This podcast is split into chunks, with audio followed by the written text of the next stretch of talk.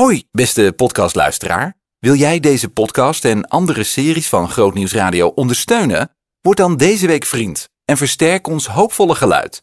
Ga naar grootnieuwsradio.nl slash vriend.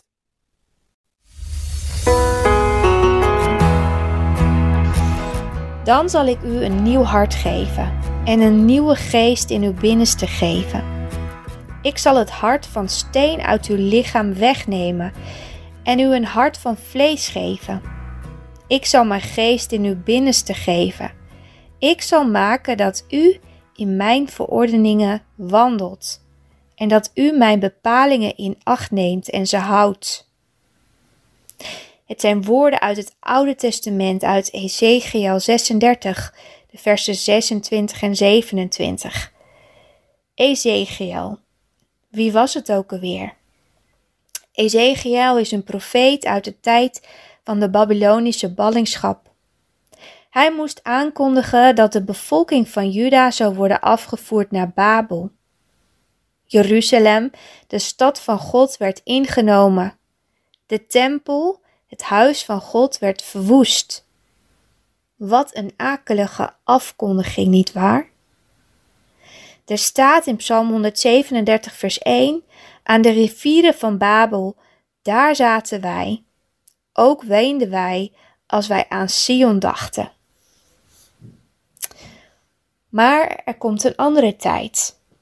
Op een bepaald moment mag Ezekiel ook iets anders verkondigen. Iets heerlijks, namelijk het herstel van Israël. Er zal een tijd van heil aanbreken. Er komt een dag dat de Joden mogen terugkeren naar hun land. En God zal een nieuw begin maken met zijn volk. Huizen, akkers, wijngaarden en olijftuinen mag Ezekiel in het vooruitzicht stellen. En dan zal Gods volk zeggen: Dit land was verwoest, maar het is als de Hof van Eden geworden.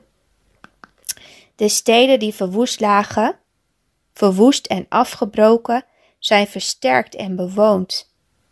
Het beloofde land mag weer opgebouwd worden. Maar we moeten één ding goed bedenken. Het herstel van Juda is niet alleen een uiterlijke zaak.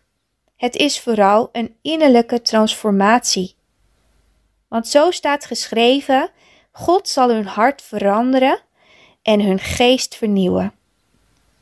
Hun hart was zo hard als steen. Hun geest was ver bij God vandaan gegaan. En daarom zegt de Heere dat Hij zijn volk van binnenuit zal vernieuwen. Eerst de binnenkant en daarna de buitenkant. En als we eerlijk zijn, broers en zussen, zo werkt de Heer nog steeds. Hij geeft zijn Heilige Geest in je hart. En die verandert je door wedergeboorte.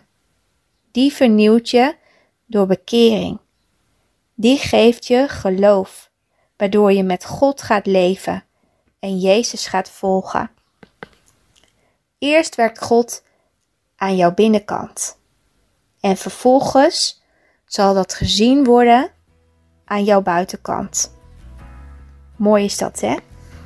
Laten we zo het ook van Hem verwachten. God, vernieuw mij. Verander mijn leven van binnenuit door uw Heilige Geest. Amen.